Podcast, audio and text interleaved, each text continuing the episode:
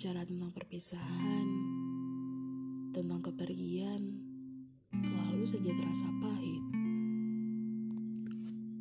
Padahal udah ribuan kali ngerasainnya.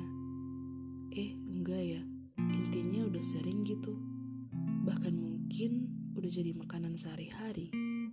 Tapi tetap aja kalau ada yang pergi, pasti galaunya sampai berhari-hari. Berbulan-bulan, bahkan bertahun-tahun. Apalagi kalau galaunya tuh sampai menghambat aktivitas, gak bisa ngapa-ngapain. Kalaupun ngelakuin sesuatu, pasti aja mikirin hal itu. Mencoba melupakan, tapi balik lagi, kembali memikirkan hal yang sama. Rasanya sesak banget pasti. Ketika dapat kabar, orang yang kemarin-kemarin selalu aja bareng, main bareng, ke mana-mana bareng, besok bakal pergi.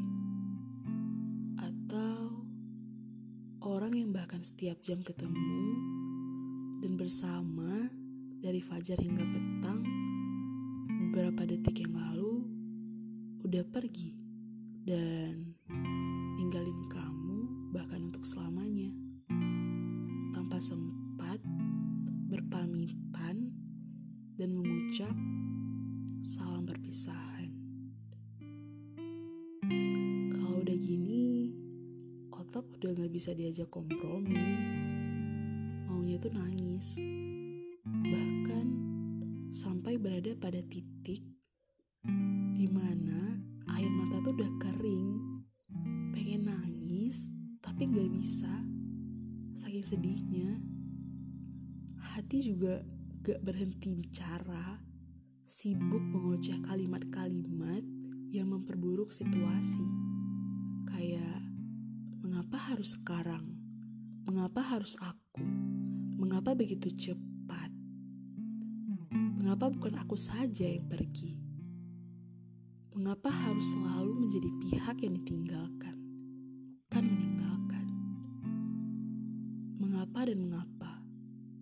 Ocehan dan pertanyaan yang kita pribadi udah tahu nggak ada jawabannya.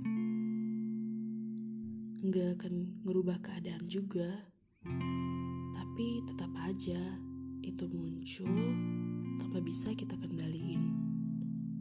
Sekali-kali suka mikir, gimana ya rasanya menjadi pihak yang meninggalkan? Apa rasanya tidak akan sesakit ini? Apa itu jauh lebih mudah dibandingkan menjadi pihak yang ditinggalkan? Atau justru sebaliknya? Entahlah. Yang pasti, kehilangan memang sangat menyakitkan. Butuh waktu lama untuk menyembuhkan.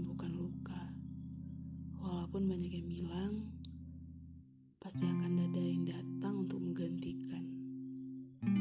Pasti ada pelangi setelah hujan. Tapi entah mengapa itu tidak menenangkan dan tidak sedikit pun bahkan menyembuhkan luka. Kadang mencoba untuk bertanya pada diri sendiri dan memastikan apa bisa berdamai dengan perasaan kehilangan ini.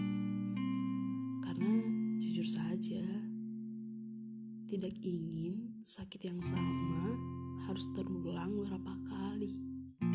Sakit yang sama harus berulang dan membuat hati hancur.